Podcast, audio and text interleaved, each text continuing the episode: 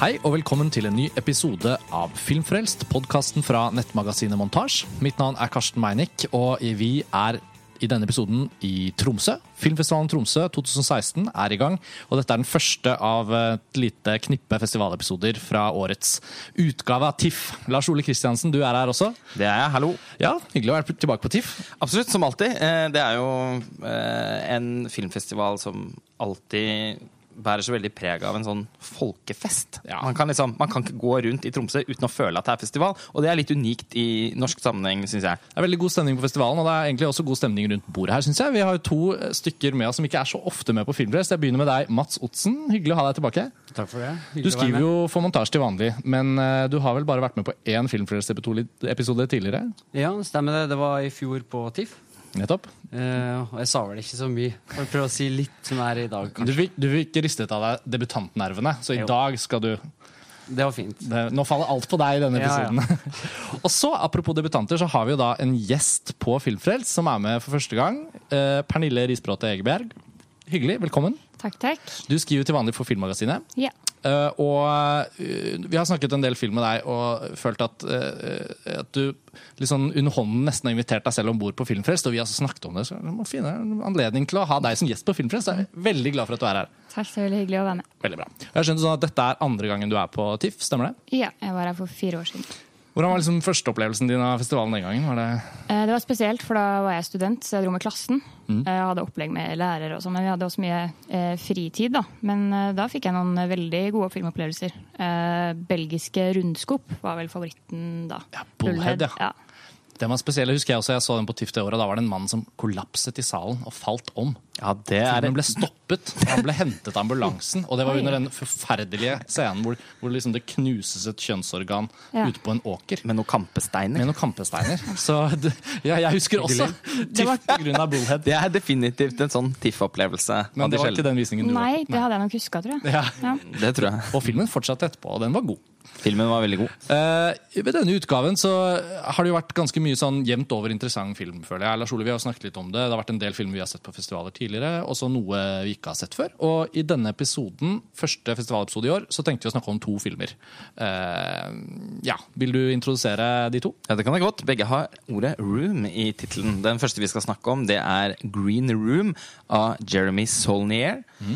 Og den andre er 'Room' av Lenny Abrahamsen, som er nominert til flere Oscar-priser. Ja, Begge er jo faktisk amerikanske independent-filmer, kan man si. mm. Men i veldig forskjellige deler av sjangerlandskapet, egentlig. Selv om begge har en litt sånn thrillerlignende, spenningslignende setting, kan man si. Eller, eh, Til og med en lukket rom-setting Ja, til begge, Ja, det har de til felles, men som opplevelser og som sånn stiluttrykk. Kunne de vel knapt ha vært mer nettopp. forskjellige. Nettopp. Og Green Room hadde da verdenspremiere i Cannes i fjor. Eh, Det er den eh, filmen som etterfølger filmen Blue Ruin av samme regissør, som gjorde i hvert fall veldig inntrykk på meg. Det var sånn, oi, han Det var en, var en markant eh, film som ble lagt merke til av mange. eh, og som, så jeg, jeg føler at det har vært ganske, egentlig ganske store forventninger til Green Room. Og vi fikk ikke sett den i Cannes i fjor, men bussen på festivalen da var veldig god. Jeg husker at jeg var veldig amper for at vi ikke, Ikke fikk anledning til å se den. Og den filmen som ikke er Green, men som bare er Room, det er da en av vinterens store Oscar-favoritter. Den har jo på en måte vært omsluttet av den typen bust mer enn noe annet. Den hadde premiere på Sundance fjor, ble kjøpt opp av distributøren A24. Det var kjempebuzz rundt det. Brie Larson i hovedrollen. Det har vært veldig mye snakk om. Og så etter hvert som den har blitt vist, så har den jo også fått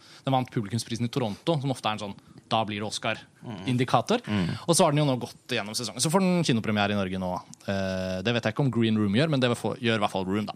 Så Mats, du har ikke sett Room, så vidt jeg vet, så vi skal ta den til slutt. Og så kan jo du bare kime inn med spekulative reaksjoner på det vi snakker om. Ja, jeg skal spekulere. Ja, La oss snakke om Green Room først. da Vi så jo den eh, alle sammen, samme visning i går. Eh, Pernille, det var en sånn setting som jeg tenker sånn en sånn film kanskje egentlig passet til, for det var på Driv. Ikke Ja. helt en vanlig kinosal. Nei. Eh, Satt du godt? Jeg satt litt vondt. Jeg satt litt vondt. Um, og det var veldig det var en stor og fin sal, og, men jeg fikk en klaustrofobisk følelse av å se filmen likevel. Ja. Hva skal vi si om dette plottet? Altså, det, er, det er et punkband. Eller et hardrockband. Jeg vet ikke, jeg er ikke så god på Punk. i Punk, ja. Ja, tror jeg. Som er på turné. Og, og så hva, hva, kan vi, hva kan vi si uten å avsløre noe? Vi kan si de drar ut på turné, så går en eh, gig litt dårlig, så de får en annen gig som ikke er planlagt. Eh, som er inn, i et slags nynazistisk miljø. Mm. kan vi si. Og de starter, åpner med låta 'Nazipunks Fuck Off'. Ja, jeg vet, er det en kjent var en ukjent referanse for meg, men ordlyden var ganske vanskelig å misforstå. da. Ja. Så De begynner jo å bli buet ut, og så, så går det nedover derfra. kan man vel si. Det kan vi si. Hva var liksom, Jeg slenger ordet til deg, Pernille. Hva var liksom din første sånn følelse av filmen når du har liksom sett litt og kjente du liksom, syntes den var spennende? Uh, ja, uh, men uh, når de åpner med en sånn sang som det, så tenker jeg med en gang at dette er en dårlig idé. Og det lover dårlig Ja. allerede herfra. Og det gjorde det jo. Det, ja. Hva tror man skjer når man eh, får, gjør eh, nazifolk forbanna, liksom? Ja, så tenkte jeg sånn, hva er Skal dette bli en horrorfilm? Skal det ikke bli en horrorfilm? Jeg følte ikke at jeg var forberedt på at den skulle helt være en grøsser. Den ble jo ikke det heller. Nei, det vil jeg ikke si. Men den forholder seg til en eh, Eller da, settingen i filmen er jo ofte anvendt i, i grøssere. Ikke konsert, konsertlokaler, men dette med at det er en sånn klaustrofobisk lukket romfortelling. Det kan man til og med se liksom, i den første Så-filmen.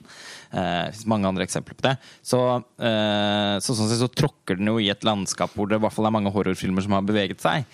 Uten å være en horrorfilm av den grunn. Jeg vet ikke hvordan man helt skal sjangerdefinere den. egentlig. men en slags thriller. Ja. Litt nervepirrende Ja. greier. Men den har jo horrorelement. Jeg skvatt et par ganger. ja. Ja, for den har noen skvettescener. Jeg skvatt også til et par ganger. Og den har noen innslag gore. av noe ufattelig brutal vold. Ja, Veldig gory, nesten. Ja, fordi jeg skulle til å si det, Et av de skvetteøyeblikkene for meg var jo ikke egentlig et sånt klassisk horrorskvett. Og jeg er veldig følsom for det. Men det var en sånn, mer sånn der, åh! Det var som om liksom du plutselig får klippes rett til et eller annet sånt kroppslig som kuttes i. Og så føler man liksom at det var litt unødvendig. Jeg, var, jeg ble i hvert fall Jeg sånn- registrerte at alle på et eller annet tidspunkt hadde en sånn uh! Jeg, jeg måtte se vekk. Kanskje tre-fire ganger, tror jeg. Ja. Det var én, spesielt én. Ja, for det ja, var, Den mage, Ja. buks, Mm. buksplittingen. Ja. den var helt uh, fryktelig å Tenker se vi, på. dette, er i hvert fall, bare for å ha sagt det til lytterne, altså Green Room jeg tenker vi, la, vi kommer nok til å snakke om den på sånn semi-spoiler-nivå. og Så hvis man er veldig veldig opptatt av, av det, så kan man jo liksom spole litt. Men det er ikke en sånn film. Jeg vil bare si det med en gang, jeg føler ikke at det er en film som er sånn spesielt sånn spoileraktig. Uh, selv om det skjer ting som liksom er brutalt, og hvem skjer det med, og sånn. Så føler jeg liksom at det er ikke så farlig. Så la oss snakke litt om de scenene som kommer underveis i filmen, sånn at vi får liksom diskutert kvaliteter og Jeg tror det er veldig vanskelig å snakke Svakheter. om filmen uten ja, jeg er litt enig. Jeg, tenkte, jeg merket det nå som vi begynte å snakke om det. Ja. Um, bare litt mer om rollefigurene. Uh, det er, casten er ganske fin, syns jeg. Uh, vi har han uh, Anton Yelchin, som uh, i hvert fall jeg ble kjent med første gang i Star Trek, tror jeg. Den uh, reboot-filmen til JJ Abrams. Og så er det Imogen Poots. Som ser ut som en poots.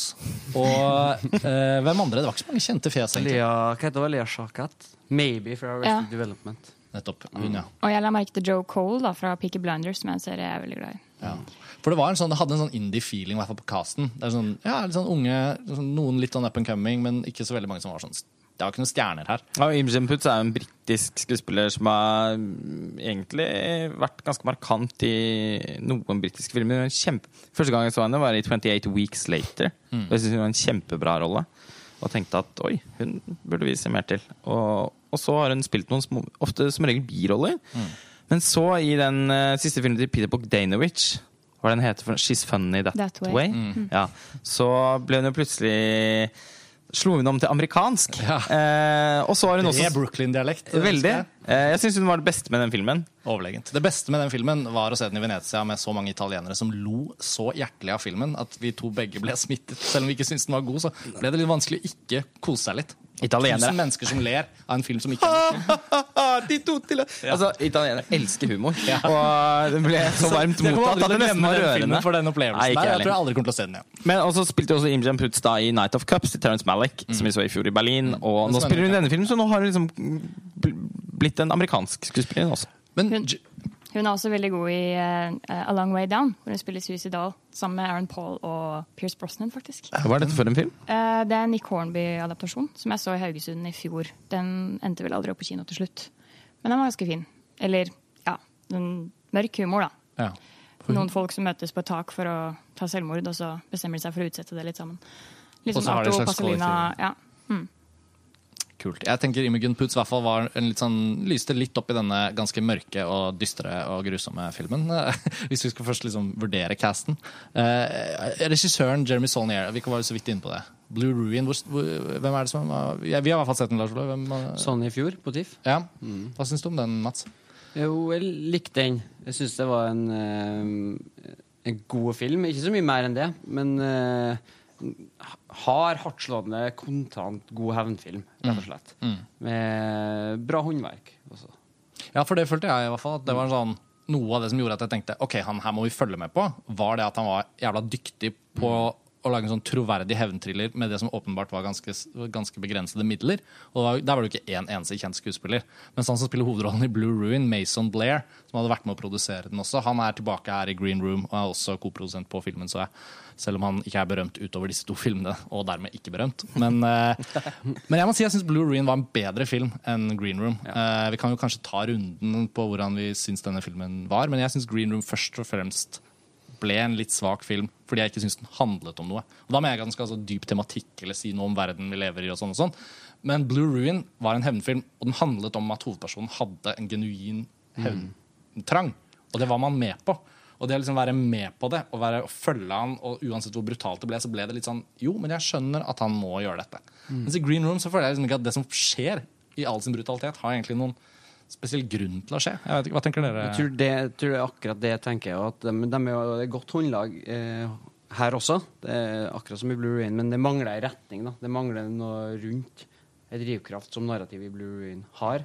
Og Da blir det heller ikke at den er spesielt original, men det er jo en liten sånn twist på hevnfilmen, eller i hvert fall en interessant vri på det.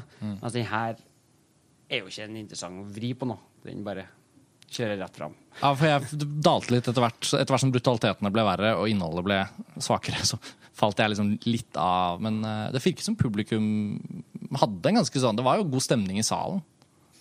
Ja, Hva syns du? Kan ha noe med tidspunkt å gjøre, og kanskje. Og ølglassene. Inntaket av øl Eh, forut for visningen? Ja, jeg er enig i at den kan være litt eh, handlingsfattig, men jeg syns den holdt en relativt god spenningskurve underveis. Eh, jeg syns også den var veldig brutal. Fan av det, for så vidt. Eh, men jeg likte den bedre første halvdel, når det trappa seg opp. Og så ble jeg veldig interessert i hvordan det skulle gå med disse ungdommene. Eh, og så brydde jeg meg kanskje litt mindre etter hvert. Men jeg syns for øvrig det var veldig kult at plutselig så var Patrick Stewart der. Ja, Patrick Stewart. Ja. Apropos Star Trek. Ja. ja, det var en av de følte det var en av de morsomme øyeblikkene i filmen. Hvor de liksom Ah, det er Patrick Stewart! Ja, dere to lo i hvert fall. Ja. Jeg synes det var ganske morsomt. Leder for white supremacy. Men jeg er litt enig med deg, Pernille, at uh, jeg syns at oppbyggingen hvor man liksom skjønner at det er noe i gjære her. Jeg syns den er mer spennende enn den eh, jakten eh, som, som blir veldig dominerende i den andre delen av filmen.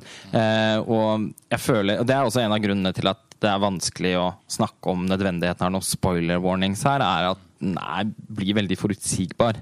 Eh, hvis man gjør seg kjent med premisset, så beveger aldri filmen seg noe spesielt vekk fra det. Eh, og eh, jeg syns at han Saulnier har en eh, åpenbart eh, Han er god til å lage film, eh, og, og det er veldig lite med film, altså måten filmen er gjort på som, som er dårlig. Eh, men samtidig så tar han ikke nok sjanser til å kunne gjøre et såpass flatt premiss til noe virkelig levende og interessant. Eh, ta The Hateful Eight da, til Quentin Tarantino. Det er morsomt jeg satt og tenkte på den nå. Ja, for de, de to filmene har faktisk en del fellestrekk. Og måten Tarantino klarer å bygge opp nerve på, og gjennom sin evne til å skrive god dialog og lage gode karakterer, eh, gjør at vi klarer å sitte klistret til lerretet i tre timer i den filmen. Eh, sammenlignet med, med det han Saulnier gjør her. Eh, det, det blir en Og nå skal ikke denne filmen lide under å bli sammenlignet med en Quentin Tarantino-film, men sammenligningen meldte seg likevel. Fordi det er, det er så kort tid siden vi så The Hateful Eight. Ja, altså Hvis du driver med eksessiv vold som en del av din estetikk, så kan du ikke heller komme utenom å bli sammenlignet med Tarantino. Hvis du er en amerikansk filmskaper. Jeg tenker sånn, Det er relevant sammenligning. Og når det er et andre- kammerspill med mennesker som ikke kjenner hverandre altså, det, mennes, ja, altså, sånn, ja, ja, ja, sånn, Som samles. Det er ikke helt en who done it, det er det jo ikke. Men, det er, men det er, eh, ja, jeg er enig med deg også at det er noe med at første halvdelen er Vet du, Og den spenningen er jo også fordi vi ikke vet. Det er noe med at mm, Ja, når de, liksom, det er hull i gulvet, og så blir liksom ikke det til noe. Og så er det inn, og så ut, og så noen som dør, og så inn igjen. Og så, og så på et eller annet tidspunkt er det så bare sånn Skal den liksom ikke noe sted? Men problemet blir vel sammenlignet med Blue Ruin at hvem bryr seg på en måte? Jeg vet at vi ikke skal heie på eh, nynazister, så jeg skjønner de gode og onde i filmen her, men man blir jo verken kjent med karakterene eller de er ikke spesielt interessant. De har ikke noe å hekte seg til, mens eh, han i Blue Ruin har jo det. Det er den motivasjonen og hevna. Ikke at du må ha det for å få eh, noen karakterer du kan være med på på den måten, men da blir det mer sånn ja, artig med vold, og kunne leka så mye mer, i hvert fall. Gjort det enda mer ekspressivt i stilen. Mer leka seg med musikk. Enda mer vold, for den saks skyld. Mer kreativ vold. Jeg føler at man sympatiserer litt med dem fordi de er såpass unge og uskyldige. da. De, mm. de blir kasta så inn i noe så hardt og brutalt som de bare ikke så komme i det hele tatt. Så kanskje derfor jeg også likte starten best, for da var det sånn Hjelp, stakkar, få dem vekk herfra. De hører ikke hjemme her i det hele tatt. Mm. Altså, jeg synes hun jenta i bandet med krøllene Hun hadde en sånn, veldig sånn det, det, var ikke, det var ganske økonomisk fortalt om henne, men hun var sånn Hun som kjørte bilen, og hun som var bilnøklene. Hun var liksom veldig sånn sympatisk, men på en veldig sånn vag måte. Så fikk man liksom en følelse av Ja, for et band er jo sånn gruppe. Det er liksom, de har sin greie. Vokalistene er litt sånn sånn Og trommisen mest badass. ja, ikke sant? Sure Altså, Så at de, de hadde jo litt muligheten til å spille videre på den eh, gruppedynamikk-greia. Eh, det følte jeg også de forlot litt. Ja, men de gjorde ikke det. Det er noe av det som er nøkkelen, syns jeg, til at vi ikke, Ja. ikke fikk gå dypere inn i dem. da. Mm. Vi fikk bare den oppstarten, og så var det Jeg kjente på en ganske sterk apati etter hvert for disse rollefigurene. Eh, det var noe tilløp til at man kunne bli kjent med dem til å begynne med, men jeg følte det skled veldig ut. Og til slutt så syns jeg det var liksom en gruppe med mennesker som løp rundt og skrek i mørket og, og slaktet hverandre med macheter og det som verre er. Og, og, og jeg er ikke så fin på det. Altså, jeg kan ha kjempestor glede av, av, av Gore og, og, altså, den type sånn nesten B-aktige skrekk- eller eh, thriller trill, skrekkfilmer eller thrillere som, som på en måte utnytter et, sånn, et, et ganske sånn begrenset premiss til å bare ha det gøy. Eh, men og det er kanskje det som plaget meg mest med filmen. At jeg synes ikke det virket som man, Jeg synes ikke filmen bar preg av noe overskudd. Jeg synes ikke det virket som om regissøren egentlig hadde det noe gøy med dette veldig tynne materialet. Eh, Tvert imot synes jeg det virket som han tok det sånn veldig på alvor. Og det ble litt vanskelig for meg, må jeg innrømme. Ja, ja, jeg er enig. Eh, Jeg, bare, jeg må bare Kort anekdote. Jeg har eh, Tidligere i dag på TIFF så har jeg intervjuet den norske regissøren Reiner Kiel. Som er en av de få litt sånn ordentlig undergrunns liksom punka regissørene vi har. Og som på en måte aldri har blitt tatt opp i det gode selskapet. og sånn og sånn og sånn. Han har laget sin tredje spillfilm nå, 'Huset'. En grøsser som har premiere her på TIFF. Og, og i forbindelse med at jeg skulle intervjue han, da, så har jeg jo sett eh, filmene hans, eh, i hvert fall den midterste, som jeg har sett ordentlig. Jeg fikk ikke sett hele den hora, men jeg har sett den Inside the Whore. Og eh, Man kan si hva man vil om de filmene, men lekenhet, gøy, overskudd, kreativ overskudd, leken, spillet mellom det voldelige og kikkeropplevelsen, og liksom kontrasten og nesten en slags sånn metaaktig sånn Men hvis dere ser på dette og liker det, at filmskaperen også liksom er der som en slags sånn mellomledd, da, kanskje ikke synlig, men sånn at dere liker dette. Er ikke det litt drøyt? Og så liksom kan filmen liksom kommentere tilbake på oss, sånn at vi blir liksom kontekstualisert forhold til at oi, nå sitter jeg her og koser meg med denne voldsfilmen. Jeg burde kanskje Liksom som Hanek har vært veldig opptatt av. Altså liksom, app, app, app, liksom Funny games. Spole tilbake hele den der. Jeg følte veldig at Green Room var liksom helt ubevisst det elementet. At den har på en måte ikke noe sånn Den bare er brutal og er dritseriøs, og så er det over. Jo, men Eller hva tenker Jeg bare sier det sånn, jeg. Ja, ja den virka veldig seriøs. Du? Syns jeg Det var litt sånn. ja. Jeg, jeg, jeg har tenkt mer på voldsfilmer de siste døgnet enn jeg er vant med. Etter Ja. den Green Room og, og filmene til Reiner Chiel. Så jeg jeg ble litt sånn Ja, men det, det er kanskje, den, er ikke, den har det ikke artig nok. Nei. Og det jeg hadde hørt om den, at det skulle være en sånn Wild Ride. Gøy, Ja. gøy sånn spenningstriller spenningsthriller. eh, Og det fikk jeg ikke helt. Men at den fikk til å skape, skape nerve og spenning, syns jeg. Og jeg tror det var først og fremst av én ting. Og det første jeg tenkte, nesten, er at jeg synes det er en veldig fin dekonstruksjon av rom. Veldig lite oversikt over hvor faktisk det er hen, det er konsertlokalet. Og også noen andre deler av bygninga enn det lille greenroomet og konsertsalen der den var først. Og det skaper alltid en sånn litt sånn ubehagelig ja, usikkerhet rundt alt, da, og klaustrofobi, som du snakka om. Ja, Du sa jo også Pernille, at du syntes den var spennende. Jeg er jo ikke uenig i det. Jeg ser jo også den, eh, jeg vet ikke hvilke elementer som gjorde den mest spennende for deg, men det, Nei, jeg vet ikke. Det- Som, ja, første halvdel så var det litt det der med at jeg ikke var klar over eh, hva som kom til å skje. Og det var et par sånn uforutsette øyeblikk. Eh, og så ble den jo som sagt mer forutsigbar, og da ta, tapte det seg litt. Grann. Men jeg er veldig sårbar eh, for dyr. eh, Når de bruker dyr i film. Eh, jeg klarer, Hvis det er sånn tortur eller dyreplageri, så klarer jeg ikke å se på filmen.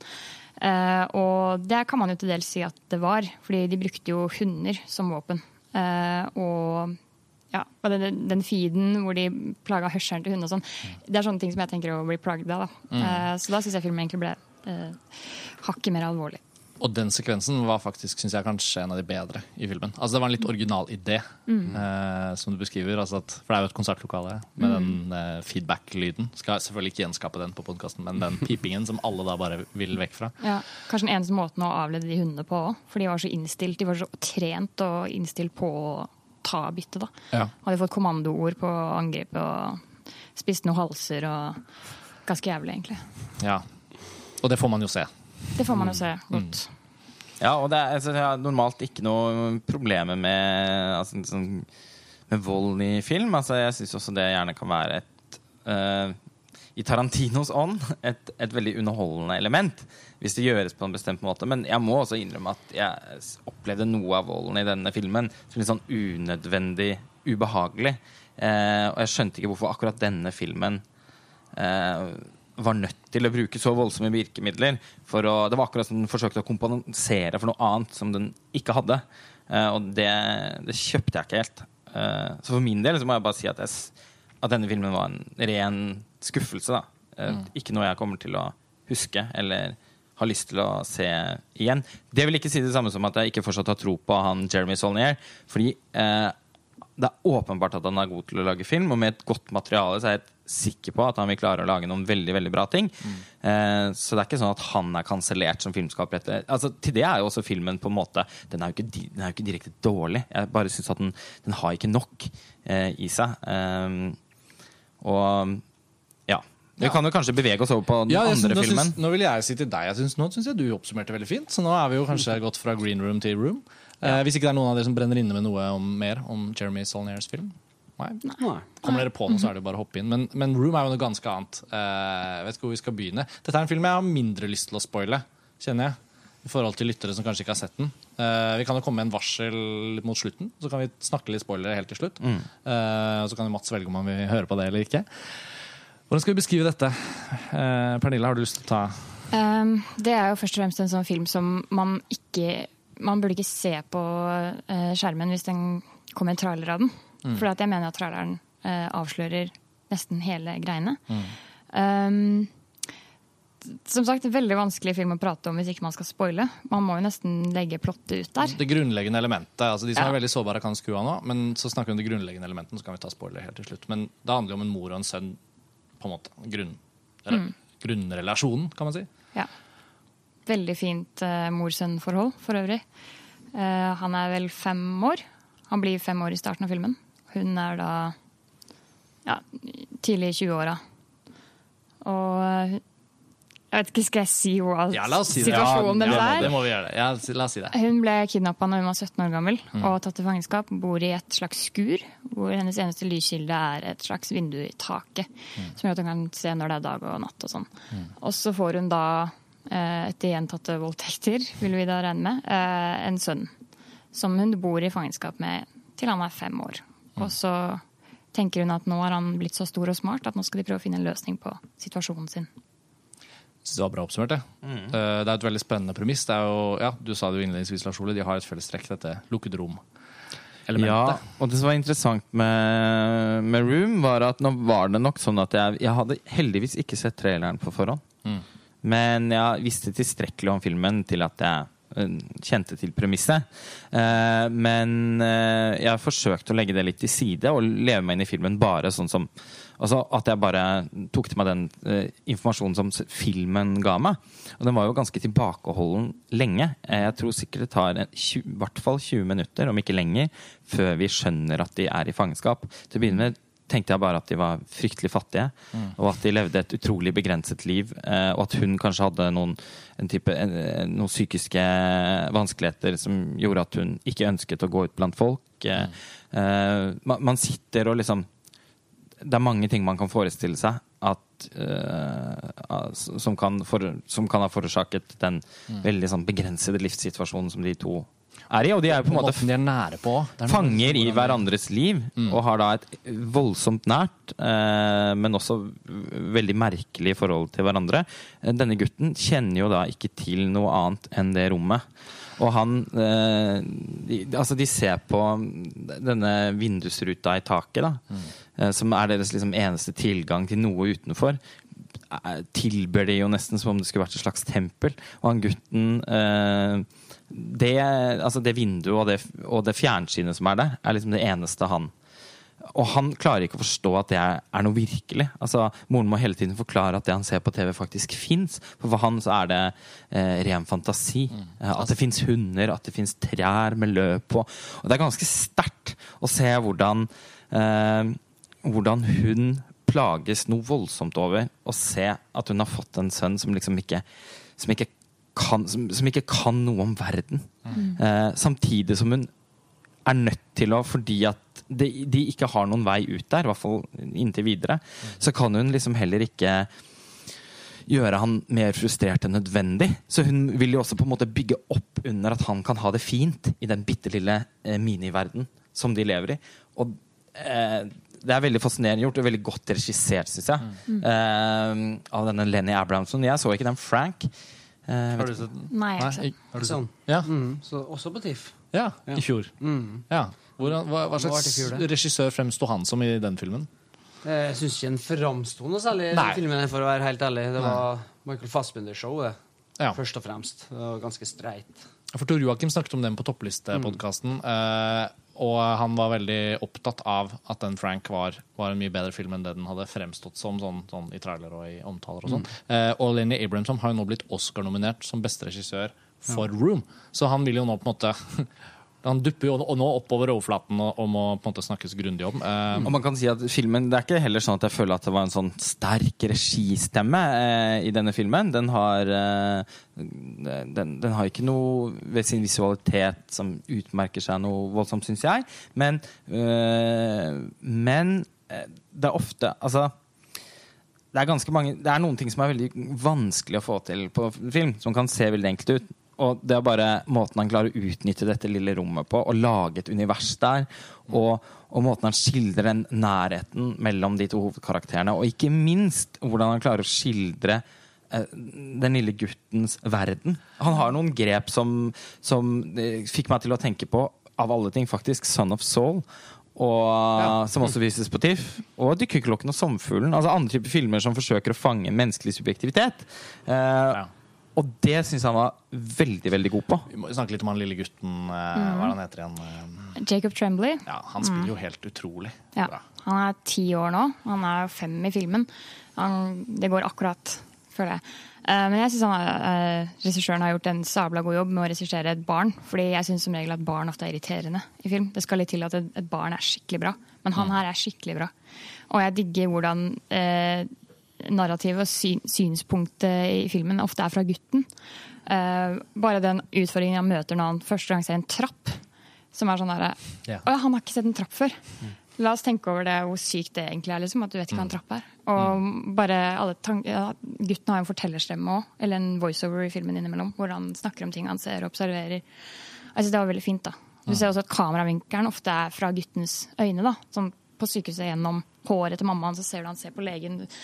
Blir litt sånn engstelig sammen med han. da. Og egentlig en, en fantastisk bruk av det håret hans som et motiv. Han sier jo at styrken hans ligger i det lange håret. Han, Ja. Første gang du ser han tror du han er en jente. Eh, for han har veldig langt hår. Eh, for han blir ikke klippet eh, der inne i The Room. Og, eh, og Lenny Abramson er da veldig påpasselig med å svært ofte la det håret liksom komme litt sånn i veien for bildet. Som understreker den her avstanden mellom han og verden. Og når han til slutt føler jeg vi må si, slipper ut i, i verden, så, eh, så, så, han, så bruker han dette håret for å liksom sakte, men sikkert uh, uh, la han få ta del i, i alt det som, han, som tidligere for han har vært helt fremmed. Da. Jeg tenker det blir et symbol på de abstraksjonene som man har om verden der inne. Og hva som skjer med håret underveis i den andre halvdelen av filmen, blir jo på en måte den gradvise tilnærmingen til normalitet.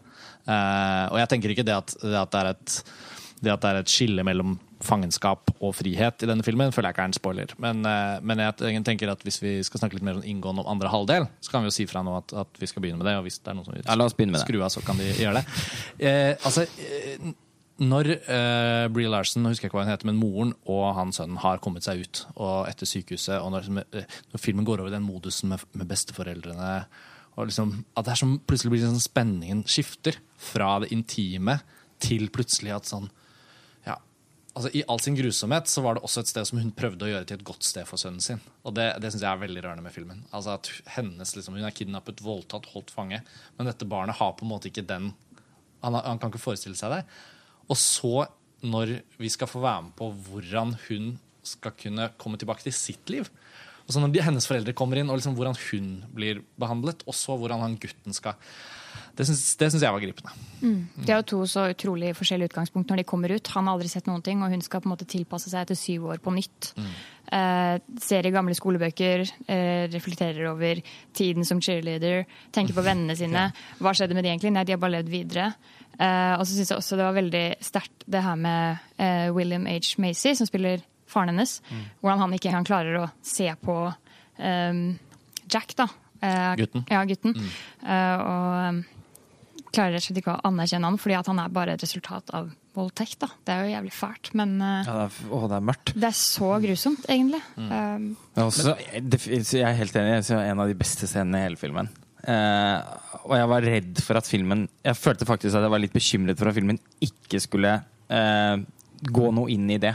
Uh, eller gå ned den veien, fordi jeg, det, det, ville jo Altså, det er jo helt naturlig at, at, at, det vil være en veldig vanskelig situasjon. Også for de foreldrene, besteforeldrene som skal ta imot datteren sin og, deres, og barnebarnet som hun har fått.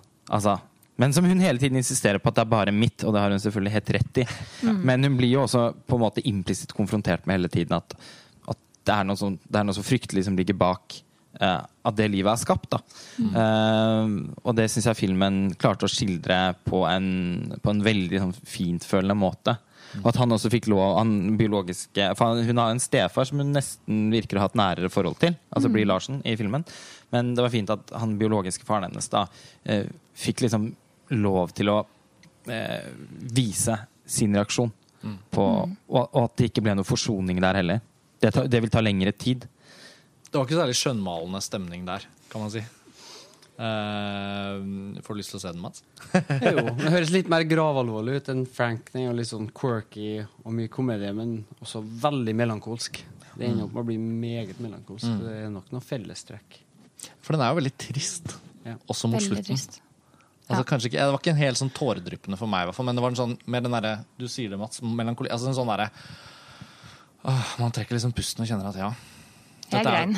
Ja. Jeg grein masse. Ja, jeg følte, men jeg følte liksom den, den, den, pre, den, sørgelige filmer som har mer som en sånn grunnleggende sorg, merker jeg at jeg i hvert fall får en, får en annen reaksjon på. Tungsindighet? Ja, det er ikke noe mindre Jeg blir jo også rørt, men det blir sånn, jeg kjenner på den at det er et fiksjonsunivers, åpenbart. Og den har jo også den har jo sånn stilisert måte å liksom gjøre det på. Jeg føler ikke at det var sosialrealisme. liksom. Uh, men samtidig så kjenner jeg at filmen også er veldig sånn Det handler om historier som dette. Og istedenfor å adaptere en av disse Fritzel eller eh, Det jo, har jo vært veldig mange fra virkeligheten historier som dette. Så tenker jeg at så bra med en film som, som ikke er en sann historie, men som er en fiksjonell representant for alle de sanne historiene. Og da måtte den få den feelingen der av en sånn grunnleggende sorg riktig. Det syns jeg den lyktes med. Det, det syns jeg Og jeg syns det er ganske beundringsverdig av filmen at den heller ikke liksom hopper ut i, i, i sentimentalitet. For det, jeg det, den, den, har altså sånn, den har noe musikkbruk og sånn som definitivt skal eh, hjelpe oss litt på veien til å, til å, til å føle, for, føle, ekstra sterkt for, for, rollefigurene. Men eh, samtidig så syns jeg egentlig den var ganske tilbakeholden. Den hadde f.eks. ingen scener Eh, og det er verdt å merke seg med tanke på at Bree Larson regnes som en favoritt til å vinne den Oscar-prisen. Så jeg, filmen hadde, eh, jeg var overrasket over at filmen ikke hadde noen sånne lange scener hvor hun bare bryter sammen foran kamera. Altså disse typiske Oscar-momentene da, som, som de fint kunne ha inkludert, men som de har valgt bort. Eh, og som gjorde at jeg følte at man fikk en det var også noe med henne i filmen som gjorde at vi hadde litt sånn Man kom ikke sånn helt nære henne. Eh, og jeg vet ikke helt hva jeg tenker om det, eller hvordan det påvirket filmopplevelsen min. Men eh, det var noe Jeg følte at filmen hadde en sånn Det var en veldig respekt for, for, henne og hvordan hun opplevde situasjonen. Og det var akkurat på samme måte som at foreldrene hennes ikke kan komme inn i hennes følelser. Så var det også litt sånn for meg i salen at jeg følte at eh, jeg hadde henne litt på avstand, men det var en avstand som jeg syns filmen kledde. da. Mm. Breed Larsen hun er jo fantastisk her. Hva annet er det hun har vært med i? Nå er jeg litt sånn blank. Ja. Hun pleier å være litt sånn birolle, vært med i Trainwreck som søstera. Ja. Mm. Og Dom John som søstera til Joseph Gordon-Levitt sier ingenting. Likevel gjør en veldig bra rolle bare ved å sitte der. Uh, Short Term 12 den har jeg alltid hørt så mye bra om. Har du sett den? Jeg har ikke sett den. Nei, ikke men heller. uh, den er sånn Den skal visst være fantastisk. Ja, men den var en veldig sånn independent amerikansk film. Jeg husker Brie Larsen gått fra 21 Jump Street. Ja. Der er hun, ja, selvfølgelig. Ja. Det var veldig bra og, og veldig morsom. Eh, Ja. Du ser liksom at hun har en sånn der, eh, av mangel på et norsk ord, en sånn versatility som skuespiller. Altså, hun er altså, komedie, drama Jeg er sikker på at hun kunne gjort en veldig, veldig kul, sånn tøff altså sånn actionheltinnerolle òg. Du kan liksom se at hun har en eller annen form for sånn bare, Hun har en sånn Claire Danes over seg, uten å sammenligne dem for Ja, men hun er, hun er veldig karismatisk Mm. og har liksom et spennende ansikt. Og et ansikt som også føler liksom rommer en livserfaring. Eh, hun har Ja, ikke noe sånn glatt Hollywood-look. Hun ser ut som et menneske. Eh, og denne filmen er jo også altså, Det er jo ikke et, så mye som et Bortsett fra under et sånt TV-intervju hvor hun er veldig plaga under film. Også en forferdelig sterk scene. Eh, så Da fikk er det ikke så mye Gone, Girl-vibber. Ja, men med en veldig annen, et annet toneleie, vil jeg si. Det var ikke noe Amazing Amy her. Eh, men det er, liksom, det er ikke et strøk av sminke. Og, og det er uren hud og porer og Altså eh, I Hollywood-sammenheng, da eh, en uva, Et uvanlig liksom, sånn nakent portrett av et, eh, av et menneske. Mm. Så det var jo en veldig fint å se i seg selv. Det er ikke, jeg sier ikke at det er første gang man ser det, men eh, eh, man minnes jo Charlize Theron i Monster og sånn, så, som, fikk, så vi, som vel nesten fikk Oscar fordi at hun så så ikke så ut som seg selv, alt jeg får si. Ja, i den, Nei da, det er, det, det er flere, år, Jeg syns ikke den filmen er noe god, men jeg syns hun er veldig god i filmen. Så det er flere årsaker til at hun, hun fikk den prisen og all den Og så har hun jo gjort seg fortjent til den Oscaren i etterkant også. Hun har jo Ja, ikke minst Young Adult, da, som hun ikke ble nominert for. Og Furiosa i Fury Road og ja. Ja. Nei. Men eh, Det var jo en digresjon. jo, men en hyggelig digresjon. Aldri feil å snakke litt om Charlize Theron. Nei. Men eh, nå jo nå, nå føler jeg vi virkelig Altså, Room. Nå, nå er vi jo nesten nesegrusa av beundring. Eh, Hvis man skulle hatt noen innvendinger mot denne filmen, hva, hva ville det kanskje vært? Skal du anmelde den i Filmmagasinet? Ja, jeg har anmeldt den allerede. Hva fikk den, da? Eh, Det ble en sterk femmer. Ja. Jeg syns at den eh, er stykka opp såpass bra. En billig løsning ville vært tror jeg, å avslutte filmen kort tid etter de kom ut. Og spille mer på det fangenskapgreiene og eh, de umiddelbare traumene som kanskje skjer med en gang etterpå. Men eh, jeg likte så godt at eh, så stor del av filmen handla om tiden etterpå. Om hele den eh, tilpasningstiden. Og det syns veldig godt at de har gjort riktige forberedelser eh, til den filmen. Brie Larson var isolert i en måned uten å vaske seg. Eh, Jacob Tremblay eh, fikk eh, eh, trening i skriking, fordi han slet veldig med å eh, skrike mot Brie Larson, så han trengte mye hjelp. Men det syns at de har eh, jobba veldig godt med rollene sine. Og kjemien mellom dem er helt ekte.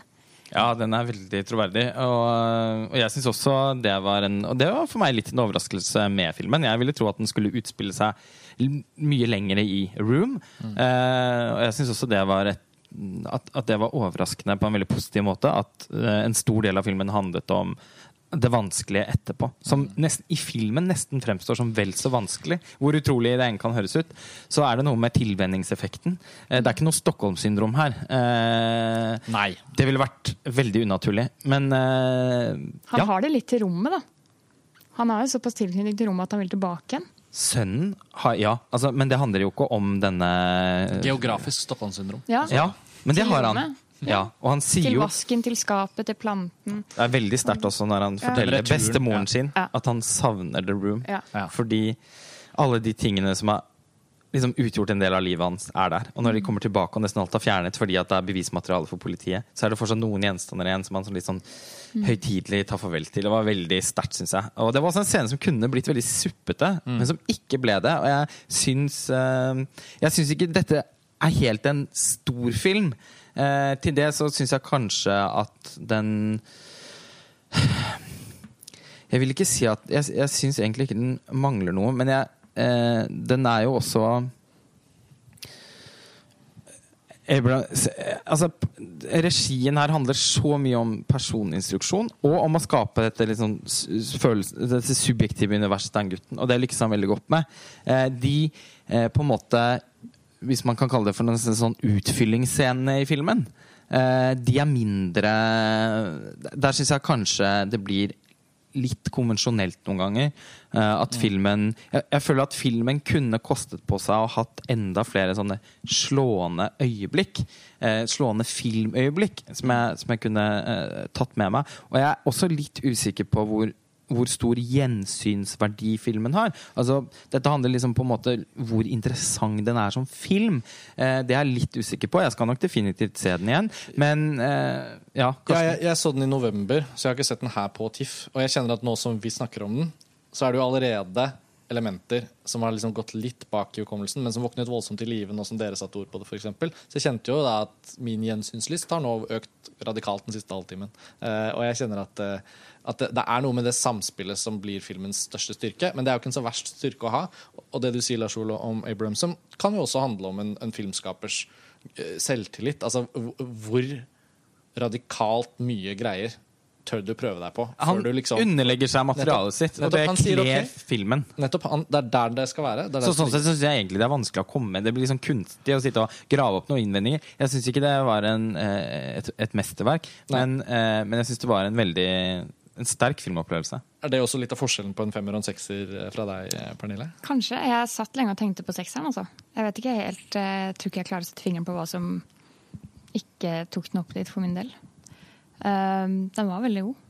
Den, Ja, det er jo lett å anbefale. ja, den er det. Den har kanskje enkelte mangler, men no, ikke noe jeg kom på, på en måte. Sånn helt uh, distinkt. Det var Room. Vi kan jo oppsummere det der. Eh, Mats, du har jo sittet pent og pyntelig her ved siden av og, og lyttet. Eh, men, men, men vi er jo da bare så vidt i gang med TIFF. Eh, hva hva, hva, hva syns du har preget eh, årets festival til nå av det du har sett, og hva er det du gleder deg til å plukke opp videre på festivalen?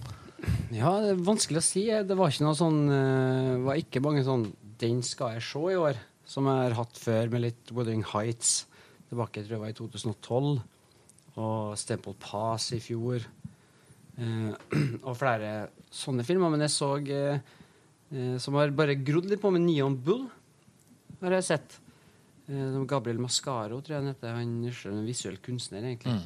Den er interessant, for det er sånn blanding av noe sånn filmatisk veldig interessante innstillinger, men også en sånn veldig hverdagslig brasiliansk eh, De er fattige, de har drømmer, prøver å komme seg rundt i verden. Så så jeg Sylavski sin 'Kosmos' i dag. Det var rare greier. Det må jeg bare si, og jeg er utrolig skuffa.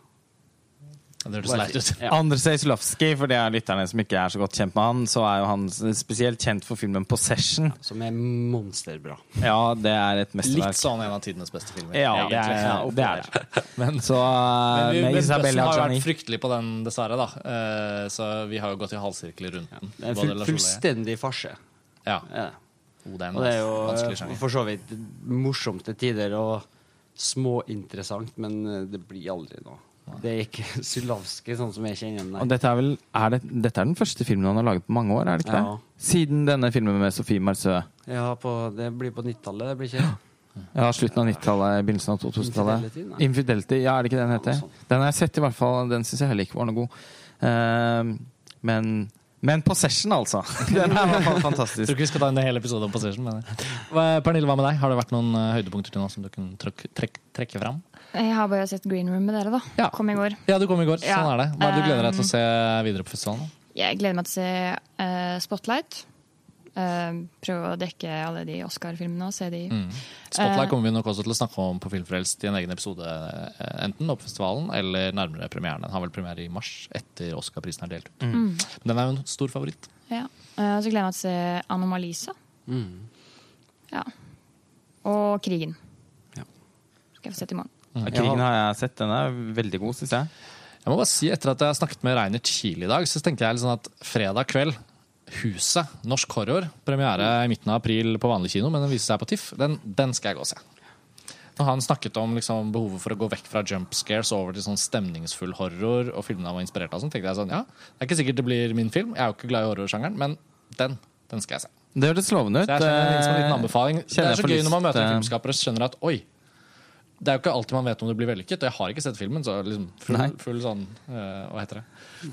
Reservasjon mot, mot det. Men, men gjennom å høre en filmskaper snakke om hva han har ønsket å utrette med en film, så kjente jeg det som en av de mest overbevisende pitchene. Han satt jo ikke og pitchet det, han bare snakket jo om filmen sin. Så jeg må bare trekke fram den. da. Eh, og hvis noen av lytterne våre er i Tromsø og hører på denne podkasten innen fredag, så kanskje vi ses på visningen av Reiner, Reiner Thiels Huset. Ja, Nå fikk jeg også lyst til å joine den eh, visningen. Eller så er nok også kanskje Anne-Malisa, den filmen som jeg ser mest eh, fram til. Ja. Charlie Coffman sin, eh, sitt comeback, eh, må man jo nesten kalle det. Ja. I hvert fall som regissør. Synecdoche in New York var jo den forrige. Det, Ja. vet jeg, det er jo en av dine favorittfilmer, Karsten. Ja, den er helt eh, Det er en av de filmene fantastisk jeg film. fortsatt bare blir helt sånn Kjenner hjertet mitt liksom hoppe litt når jeg tenker på den. Eh, og da har det veldig veldig hatt sittet inne lenge nå, men nå, nå kommer jo da gjensynet å sette seg ned med den filmen igjen, selv om den er for forferdelig trist. Eh, men det morsomme med Charlie Coffman er at han har brukt årene imellom på å prøve å lage en spillfilm til. Han skrev et manus om filmbloggere i Los Angeles, som var visstnok en sånn sinnssyk sånn farse over mediesamfunnet og filmkritikk og ditt og datt, som bare mistet finansieringen i siste øyeblikk, og som bare nå er liksom ikke aktuell. da. Man får jo håpe at hun Megan Ellins, Ellison eller noe sånt kunne bare kommet inn og bare swoopet inn Ja, 30 millioner Perna. Pictures. Ja, Uh, Så jeg husker jeg bare fulgte med og tenkte det blir Charlie Coffans neste film. Og så bare ble det stille, og så kom liksom Han skal gjøre en animasjonsfilm. Og nå Anomalisa, altså eh, bare bøssen på de amerikanske kritikerne og, og traileren og stemninga. Alt taler jo til at det er noe spesielt. Det var vel kanskje den eh, eneste jeg plukka ut som den skal jeg se, den gleder jeg meg mest til. Ja. Så den skal jeg se så fort som det. Så det blir tett med visninger nå. Siste Ja, halvdel av Det ligger vel kanskje an til at det blir en podkast om Anna-Malisa i løpet av TIFF. Ja. Det er mye som kan tyde på det, i hvert fall. Det ligger i hvert fall mitt hjerte nært, og tydeligvis ditt. Kanskje du kommer tilbake igjen som gjest en gang til. Jeg vet ikke, Hvordan var det å være på Filmfrelst? Vi er vel ved slutten av episoden nå? Ikke så skummelt som jeg trodde. Altså. Det er godt å høre. Veldig bra. Vi, eh, vi jeg, jeg skulle til å si vi ses, men vi, vi prates og lyttes. Vi prates og lyttes. Pernille, Mats, takk for at dere har vært med på Filmfrelst i ettermiddag. Takk for meg. Og god festival videre. Lars Ole, vi høres jo igjen snart. Det gjør vi. Kjære lyttere, ha det bra. Ha det bra.